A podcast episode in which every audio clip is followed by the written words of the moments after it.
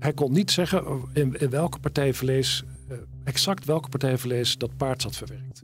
In eerste instantie. En dat kon hij later wel. Hè, door de, we hebben later aangegeven dat dat moet ergens in een partij vlees zijn geweest in een productieperiode uh, van ongeveer 30 dagen. En dat was duidelijk dat het in die 30 dagen in dat vlees uh, ja, moet hebben. Maar hij had zijn administratie niet op orde. Hij had die traceringsadministratie niet op orde. Niet elk ondernemersavontuur eindigt met een notering in de quote 500. Niet elk bedrijf overleeft een flinke crisis. Niet elke onderneming weet het financiële spel goed te spelen. En als alles misgaat, als de chaos regeert en schuldeisers aan de poort rammelen, dan breekt het tijdperk van de curator aan. In deze serie praten mijn collega Elisa Hermanides en ik, Thomas van Zel, over onvergetelijke faillissementen met de puinruimers van het bedrijfsleven. Dit is Onder Curatoren. En Elisa, we zijn even weg geweest. Zomervakantie kwam er tussendoor. En we beginnen om gewoon de toon te zetten met een smakelijk onderwerp, namelijk paardenvlees. Ben jij ervaringsdeskundig? Heb je het wel eens gegeten? Um, nou, ik denk eigenlijk van niet. Helemaal zeker weet ik het niet. Um, wel heb ik trouwens ooit in Zuid-Frankrijk uh, eendennek per ongeluk gekocht uh, bij een slager. En dat was niet zo lekker. Er ging toch iets mis in de communicatie. Oh, je Frans was niet goed genoeg. Ik denk het, ja. Ik uh, schaam me om dat te zeggen. Ook in Japan heb ik een keer per ongeluk ringen van darmen gegeten. Um, ik meen van een schaap of van een rund. Was ik ook niet zo gelukkig mee eigenlijk. Okay hele ehm, dierentuin gehad. Maar nog even terug naar de vraag. Ja, ik moet streng blijven. Dat paardenvlees, heb je dat nou gegeten of niet? Ja, ik denk het niet. Maar eigenlijk weet ik het niet helemaal zeker. Want zo'n tien jaar terug was er natuurlijk een hele affaire. Eigenlijk op verschillende plekken rond paardenvlees. Dat werd verkocht als rundvlees. En um, ja, ik werkte toen nog bij het Parool. En mijn collega Hiske Versprillen, culinair journalist en restaurantenrecensent... Die ontdekte toen uh, dat de beroemde biefstukken die werden verkocht door het Amsterdamse restaurant Piet de Leeuw niet van runderen afkomstig waren, maar van paarden. En toen dat bekend werd, nou, toen trilde Amsterdam echt op de grondvesten. Dat was een enorm schandaal. Maar ja, vandaag gaat het eigenlijk over een veel grotere affaire uit diezelfde tijd, 2011, 2012, 2013. En uh, dat gaat om uh, de vleesverwerker Willy Selten. En uh, misschien moeten we daarom ook maar eens aan onze gast vragen van vandaag of hij wel eens paardenvlees heeft gegeten. En onze gast vandaag is Jaap van der Meer, curator en medeoprichter van Turnaround Advocaten. Nou, dan meteen maar die vraag. Paardenvlees, heb jij het wel eens gegeten? Um, ik heb het wel eens gegeten, maar het is niet mijn ding. Nee, toch niet zo smakelijk? Nee. Uh, want het is niet ongezond, hè? Laten we dat even nog even vaststellen. In principe is het niet uh, ongezond vlees. Nee, klopt, nee hoor. Nee. nee. nee. In het voorjaar van 2013, toen kreeg jij een telefoontje van de rechtercommissaris over Willy Selten BV. Hoe ging dat? Ik zat in de auto onderweg naar kantoor en ik kreeg een telefoontje inderdaad dat uh, het bedrijf van Willy Selten, het, het, het, vleesverwerkingsbedrijf, in staat van faillissement zou worden verklaard en of ik vrij stond om de benoeming als curator te aanvaarden. En uh, daar heb ik toen ja op gezegd. En wat, wat ging er toen uh, door je hoofd? Want uh, wist je meteen van, oh, dit gaat over die paardenvleesaffaire? Ja, ja, want die affaire die was al een paar weken in het nieuws. In het kader van de beslaglegging door de Nederlandse Voedselwarenautoriteit.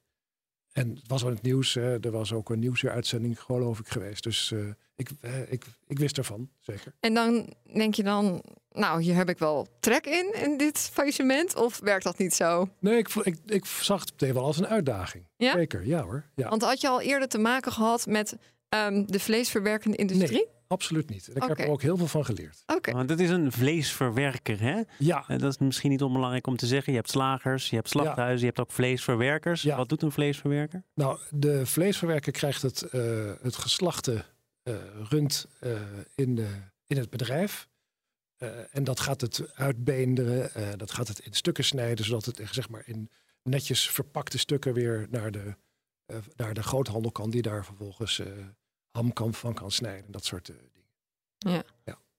Um, we hebben een eerdere gesprekken gevoerd in deze podcast, waarbij de curator dan hè, vrij snel ook nou, zich eerst gaat inlezen, maar dan ook direct naar het bedrijf gaat en daar allerlei mensen treft die ook een beetje paniek zijn. En um, ben jij ook direct naar het bedrijf gegaan?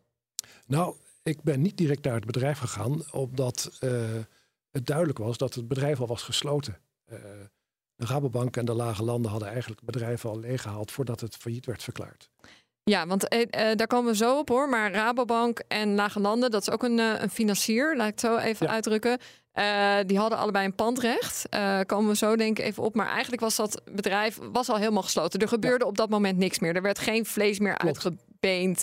Ja, dat niet alleen door de Rabobank en de Lage Landen, maar de nekslag voor het bedrijf was de beslissing van de Nederlandse Voedsel- en Warenautoriteit, NVWA misschien goed om het kort zo te houden. Die hadden eigenlijk al de eh, vergunning ingetrokken om het vlees te kunnen verwerken. ja, dus dan kan je überhaupt eigenlijk Dus niks meer. Dat was eigenlijk al meteen een nekslag voor het bedrijf. Maakt het ook voor een curator veel uit of een bedrijf nog in bedrijf is of niet Ja. meer? Zeker. Hè, eh, als, het, als een curator of hè, als een bedrijf nog draait, dan heb je nog personeel, heb je de directie nog rondlopen. En dan ben je eigenlijk als curator samen met de directie het bedrijf aan het voortzetten. Maar dat was natuurlijk nu niet aan de orde. Dus het wordt makkelijker. Ja, eigenlijk wel. Ja. Ehm, ja, laten we even naar die eh, strijd gaan met die Nederlandse Voedsel- en Warenautoriteit.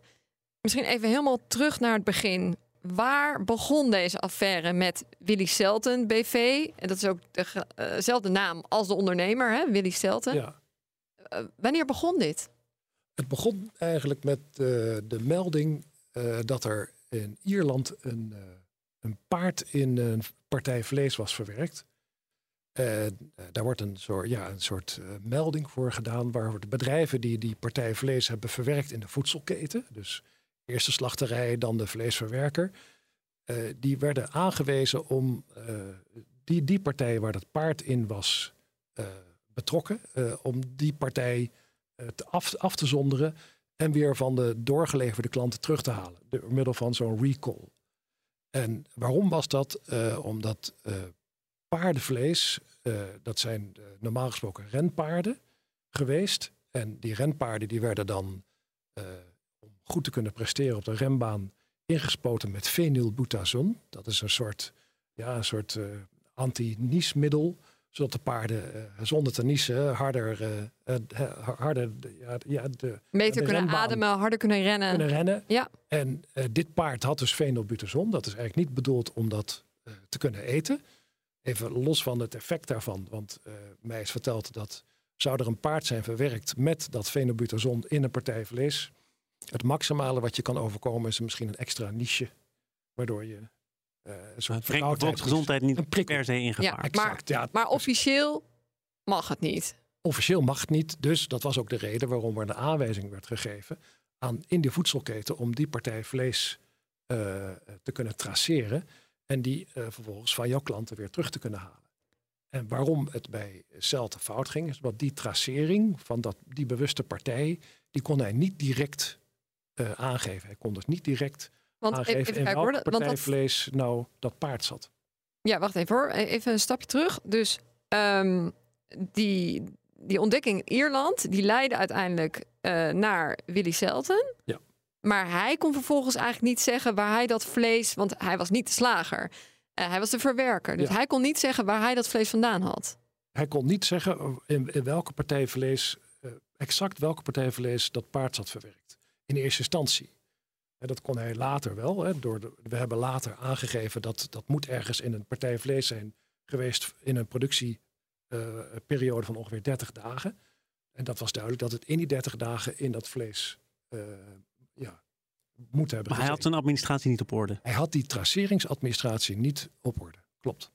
Maar dan is er toch eigenlijk al heel wat mis zo, bij zo'n bedrijf. dan is er wat mis. Eh, klopt, hè? De, hè, de, de, de tracering is er niet op orde. Alleen de vraag is of dat ook betekent dat al het andere vlees wat hij heeft verwerkt en wat netjes werd ingekocht conform de EG-erkenning en werd eh, aangekocht door EG-erkende slachterijen, dat al het andere vlees ook meteen moest worden. Maar kon hij garanderen dat al dat andere vlees per definitie niet dat paardenvlees was? Ja, op zich wel- want eh, al het vlees, of het nou paard was of rund, al het vlees kwam door die EG-erkende slachterijen werd geleverd.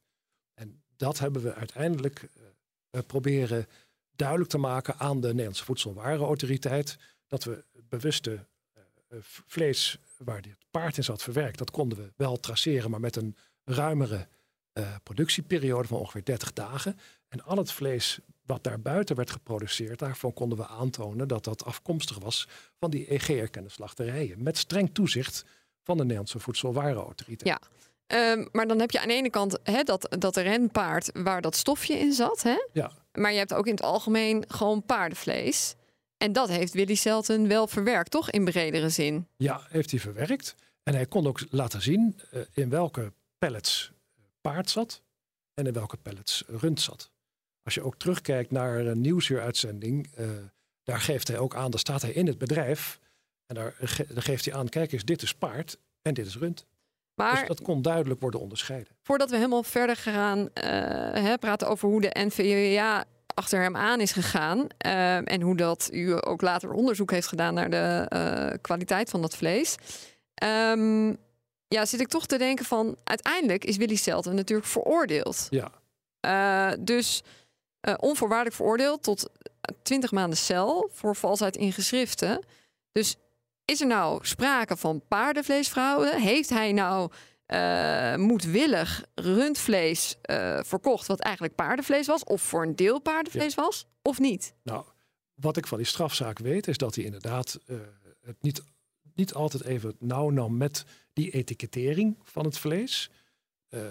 maar dat, was, dat stond los van ons argument, wat we hebben onderbouwd met een deskundige, waarvan we konden aantonen dat al het vlees afkomstig van die EG en de slachterijen, dat dat goed vlees was en ook goedgekeurd door de Nederlandse Voedselwarenautoriteit, door die veterinair artsen, zodat dat vlees uh, op een hele goede manier gewoon voor. Vind je dat die zaken van elkaar los beschouwd ja. moeten worden? Ja. Want, want inderdaad, hè, als je kijkt naar die rechtszaak en wat er over bericht is, dan kom je zaken tegen over illegale handel, over een boekhouding die niet helemaal op orde was, over Ja. winst die moest worden teruggevorderd, omdat Stelt wel degelijk ook rijk is geworden via vlees dat onder een andere etikettering is verkocht. Ja. Dan staat los van wat jij zegt, zijn strijd met de NVWA en wat jij hebt onderzocht. Ja, omdat ehm, eh, wat duidelijk was, is dat die traceringsregels uiteindelijk ook niet voldeden. Hè? Dat werd ook erkend. Alleen de Raad van State heeft ook aangegeven, eh, of althans het College van Beroep voor Bedrijfsleven, heeft ook aangegeven dat eh, het feit dat die traceringsregels niet voldeden, niet hoeft te betekenen dat daarmee de voedselveiligheid in het geding is. Nee, precies. Ehm, jij trof dat bedrijf aan. Toen was het al eigenlijk inderdaad helemaal buiten werking gesteld doordat de NVWA eh Willy Selten BV nou, daar achteraan zat. Ja. Ehm, wat is er precies gebeurd? Want er is ook een aantal keer bezwaar ingediend door Willy Selten tegen de procedures van Ja. de NVWA. Klopt. Eh, er was al in de voorfase van het faillissement eh, liepen er al bezwarenprocedures tegen de intrekking van die EG-erkenning.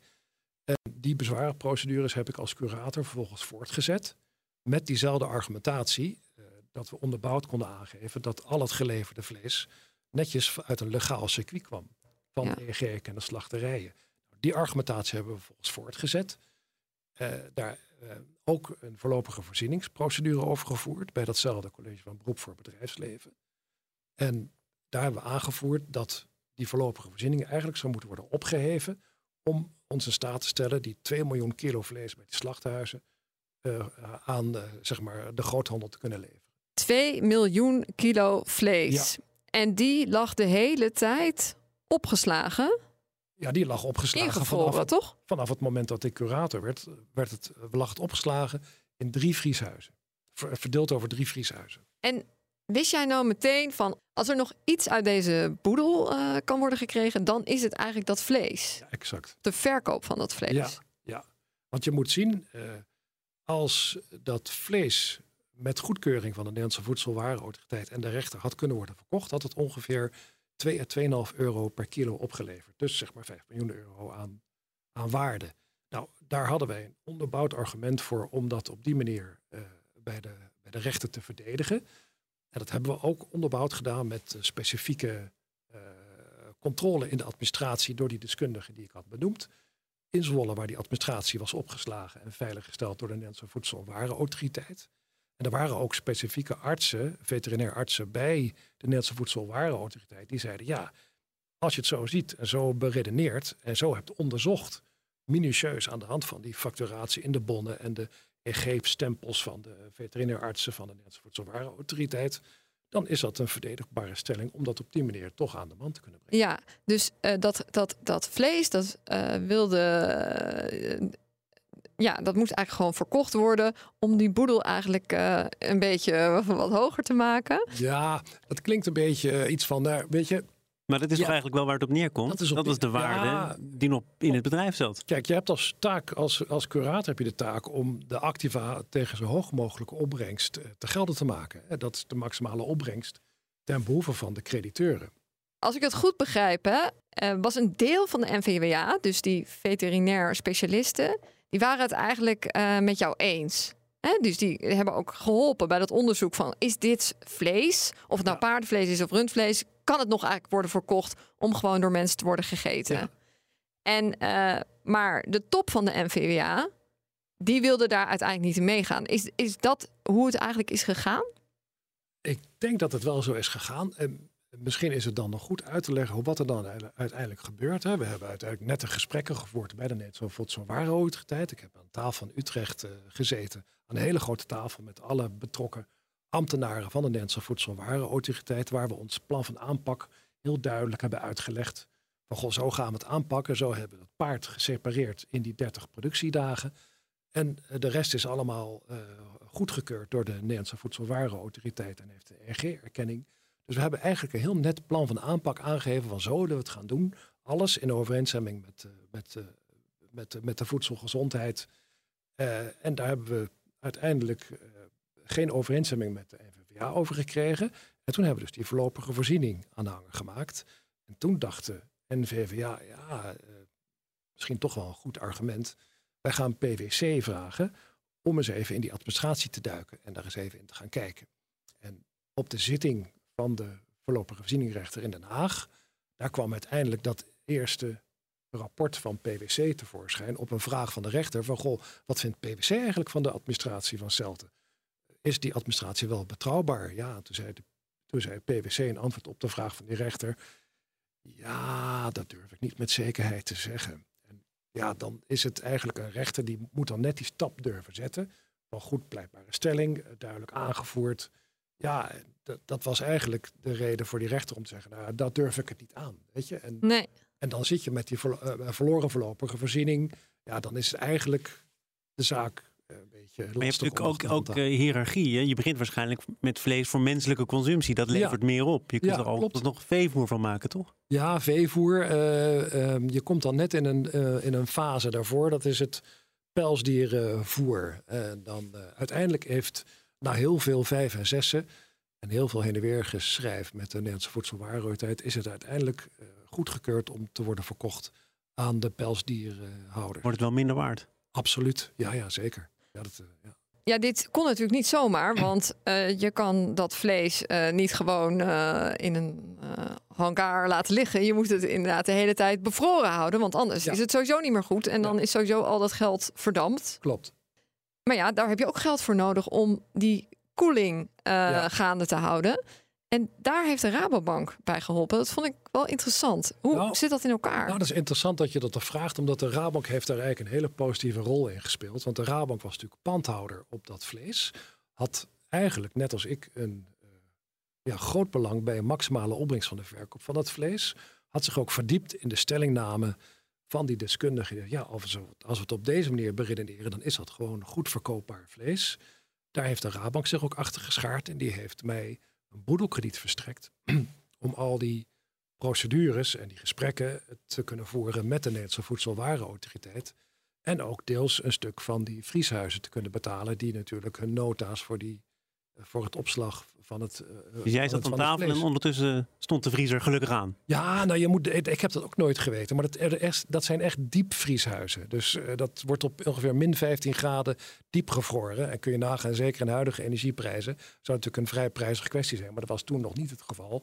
Maar er was nog steeds natuurlijk een vrij prijzige kwestie om die opslag bij de vrieshuizen te kunnen bekosten. Maar het is wel interessant, want Rabobank die had eigenlijk voordat jij überhaupt kwam, ja. Uh, hè, uh, ze hadden een pandrecht. Dus ze hadden al, eigenlijk al alles eruit gehaald. Uh, wat er nog in de onderneming zat, toch? Behalve dus dat vlees. Klopt, klopt. Ja, maar goed, dan moet je denken aan inventaris en machines en dergelijke.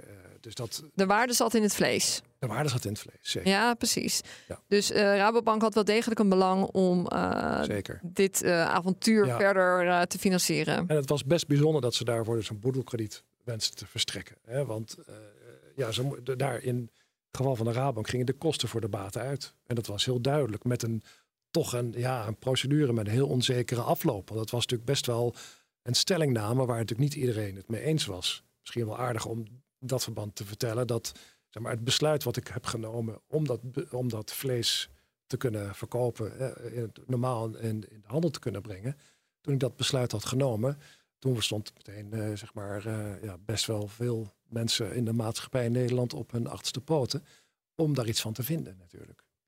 Ja, aan de ene kant snap ik dat, dat mensen dan boos zijn. Hè? Ja. Op, boos, boos op jou. Van eh, hoe durf je? Dat Ja. zal je dan waarschijnlijk hebben gehoord. Aan de andere kant denk je ook, ja, het is 2 miljoen kilo vlees, toch? Ja. Dat is ook een beetje zonde, omdat eh, Klopt. eh, ja, Klopt. het zijn toch allemaal dieren voor gestorven, zou ik Klopt. zeggen. En er was toen al een, laat ik zeggen, heel veel, de- ja, een, flink pleidooi voor het tegengaan van voedselverspilling. Dus dat was, ja, dat was eigenlijk ook een van de gedachten. Maar je wist natuurlijk wel als curator, ik raak nu betrokken bij een zaak die maatschappelijk hoog kan oplopen. Zeker. Heeft jou dat nog beïnvloed in je doen en laten?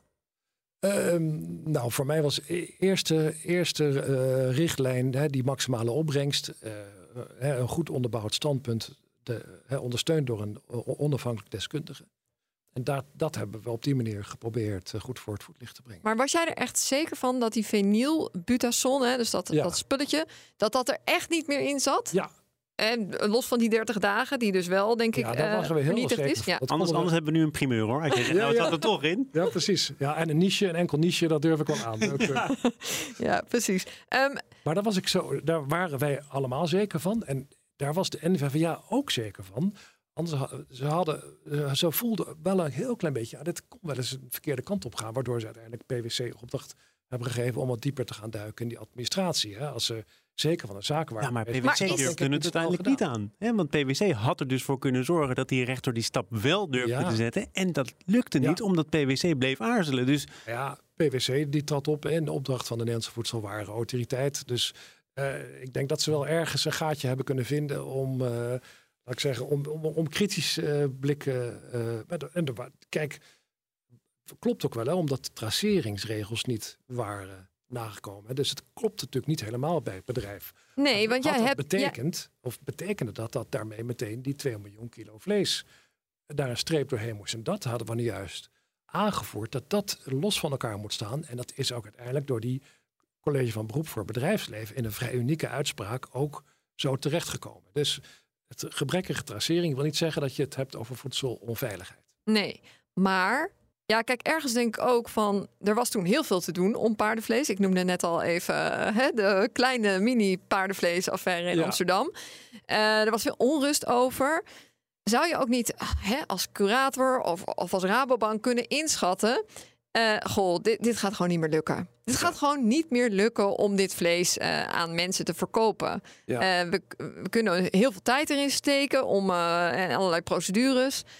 Maar we kunnen ook denken van dit is gewoon niet realistisch. Ja. Ook politiek gezien niet. Ja, maar, zo, maar zo zit een curator niet, in- niet in elkaar. Hè. We hebben nee? het nu over ondercuratoren. Hè. Een Zeker. curator die probeert echt de maximale opbrengst te realiseren. Gewoon financiële opbrengst. En of dat uiteindelijk nog heel veel maatschappelijke commotie oplevert. Ja, dat is eigenlijk een bijzaak. Dat is ook de reden waarom ik wel echt heb geprobeerd om goed uit te leggen aan de maatschappij van wat ik deed. Vandaar ook die nieuwsuur-uitzending. Dat hè, ik werd echt vaak gevraagd van, goh, kun je nou eens een keer uitleggen wat je nou aan het doen bent? Nou, dat heb ik in eerste instantie nog wat afgehouden. En later was het, ja, laat ik het nu maar eens uitleggen. En toen zijn ze ook bij me op kantoor langs geweest. Toen heb ik geprobeerd uit te leggen wat ik doe. Eigenlijk wat ik ook nu doe. Over wat voor argumentatie ik had. En waarom ik, waarom ik ook vond dat het echt zonder maar, maar voedsel het moet wel maatschappelijk ingebed worden. Ik snap het Ja. belang van de curator. Het gaat om de hoogst mogelijke opbrengst. Ja, Maar een curator is niet losgezongen van de rest van de wereld natuurlijk. ja. Maar daar kom je in een hele interessante discussie. Waar ook in onze vakbroeders nu ook heel veel over spreken. Van in hoeverre, wat is de grens tussen eh, maatschappelijk aanvaardbaar gedrag aan de ene kant. En, eh, en het, eh, zeg maar de primaire financiële opbrengst aan de andere kant. Ik ben de curator die gaat voor de maximale opbrengst. Ja, en er zijn uh, ook boedels waar je ook wat meer maatschappelijke belangen bij hebt betrokken. Maar ja, aan de andere kant vind ik, vind ik het. Kijk, als er maatschappelijke onrust ontstaat, hè, zolang ik maar niet iets doe wat, wat voedselonveiligheid teweeg brengt, ja, vind ik dat wat ik doe ook echt goed verdedigbaar om te doen. En ook uit te leggen aan de maatschappij. Ja, um, maar uiteindelijk uh, wordt bekend dat jij uh, een rechtmatigheidsonderzoek hebt gedaan ook. En dat jij Willy Selten wel aansprakelijk stelt voor uh, 11,5 miljoen euro. Dus jij was toch uiteindelijk ook niet heel erg onder de indruk van de bedrijfsvoering nee, maar dat, van de BV. Dat klopt, maar dat is ook weer een, eigenlijk weer een hele andere discussie. Hè? Dus de ene kant was die activa, die voorraad die ik voor een maximale opbrengst te gelden wilde maken. Nou, dat is uiteindelijk niet gelukt. En dan kom je weer in een heel ander uh, leerstuk. Dat is het leerstuk van bestuurdersaansprakelijkheid. En daarvan was duidelijk dat we hadden aangevoerd in die procedure dat gelet op, het, uh, op de gebrekkige traceringsregels en gebrekkige projectadministratie, dat dat een van de redenen was voor het, voor het uiteindelijk de nekslag voor het bedrijf als oorzaak van het faillissement. Ja. Andere discussie eigenlijk. Ja, precies. Willy Stelten, uh, was daar nog iets van geld van te plukken? Of is dat niet gelukt? Nou, je kunt in de openbare verslagen lezen dat, dat uh, wat je zei net van nou, hij heeft er goed van geleefd. Hè. Je kunt in de openbare verslagen lezen dat, uh, dat, de, dat van die 11,5 miljoen die de rechter heeft toegewezen, dat er eigenlijk weinig van is terechtgekomen. Trouwens niet 11,5 miljoen, weet ik, maar dat er een voorschot van een miljoen is. voorschot van een miljoen? Geloof ik, ja. Dus, ja daar is uiteindelijk weinig van terechtgekomen. Want hij is ook verdwenen naar België, toch? Ja, verdwenen, dat weet ik niet. Dus wat, voor, wat voor man was Willy Selten? Ja, echt een gewoon man van de straat. Met, uh, bij de voeten op de grond. Als je ook, dat, dat, uh, de, hè, die, ook die nieuwsuitzending uh, ziet, dan zie je hoe hij bij zijn partij vlees staat. En het was wel zijn bedrijf. Het was echt, ja, hij was er echt wel bij betrokken. Was ook echt wel teleurgesteld natuurlijk dat het uh, zo was afgelopen. Um, maar ja, hoe zie jij hem nou? Zie jij hem nou als een fraudeur of als een beetje een onderhandige ondernemer? Ja, of ik hem als fraudeur zie, dat, dat, dat is meer aan het Openbaar Ministerie om daar iets over te zeggen en de rechter om daar uitspraken over te doen. Uh, uh, ja, nou, die uitspraak is er. Die uitspraak is er, nou ja, dus dat, dat klopt dan. Alleen dat is niet primair iets waar ik naar kijk. Ik kijk naar de vraag van God, is, is, is wat er aan activa is, is dat nog op een goede manier te gelden te maken? Ja, en ik kijk ook naar de mens Willy Selten natuurlijk. Eh, was uh, ja, echt wel zwaar teleurgesteld. Uh, zag zijn bedrijf in rook opgaan. En ik had er ook wel begrip voor natuurlijk. Ja, en uiteindelijk uh, ja, kon dat vlees, die 2 miljoen kilo, die kon niet verkocht worden in de supermarkt, bij wijze van spreken. Die is naar via een soort omweg naar pelsdieren gegaan, toch? Want ze zijn verkocht aan uh, de, de eigenaren van die uh, grote vriezers, zal ik maar zeggen. Ja, precies. Dat, dus, uh, ik heb net al even geschetst het belang van die vrieshuizen, die met die 2 miljoen kilo vlees in de vrieshuizen zaten. Die zaten daarmee in maag natuurlijk. en de opslagkosten liepen op. uiteindelijk hebben we, hebben we afgesproken met toestemming van de Rabobank en de rechtercommissaris om die partijen vlees die in het vrieshuis lagen, om die te verkopen aan de vrieshuizen voor een bepaalde boedelbijdrage. Een soort kostenvergoeding. En uiteindelijk hebben die vrieshuizen het met toestemming van de Nederlandse Voedselwarenautoriteit aan die pelsdierenhouders kunnen verkopen. En wat precies dat heeft opgebracht, dat weet ik niet. Dat onttrekt zich dan aan mijn waarneming natuurlijk. Want ja. dat was inmiddels verkocht. En, ja, hoe is dan het hele faillissement verder eh, afgewikkeld? wat zat er nou uiteindelijk nog in die boedel? Kon je nog wat uh, schuldeisers tevreden stellen? Of viel dat nee, tegen? Uiteindelijk niet. Hè? Behalve dan de vrieshuizen die dus in de gelegenheid werden gesteld om als schuldeiser een stuk van die voorraad uh, uh, terug te kopen. En daarmee eigenlijk een stuk van hun achterstallige vordering weer goed te maken. En was de Rabobank teleurgesteld dat het uh, hele avontuur nee, niet was gelukt? niet. De Rabobank was, vond dat we heel, heel, goed hadden samengewerkt. En hadden gezegd, ja god, we hebben het geprobeerd. We hebben daar alles aan gedaan en dat is niet gelukt dat kan gebeuren. Dank, Jaap van der Meer, curator en medeoprichter van Turnaround Advocaten. Dit was Onder Curatoren. Wil je meer gesprekken horen met de puinruimers van het bedrijfsleven? Abonneer je dan via jouw eigen podcastkanaal of via de app van BNR. Dankjewel voor het luisteren.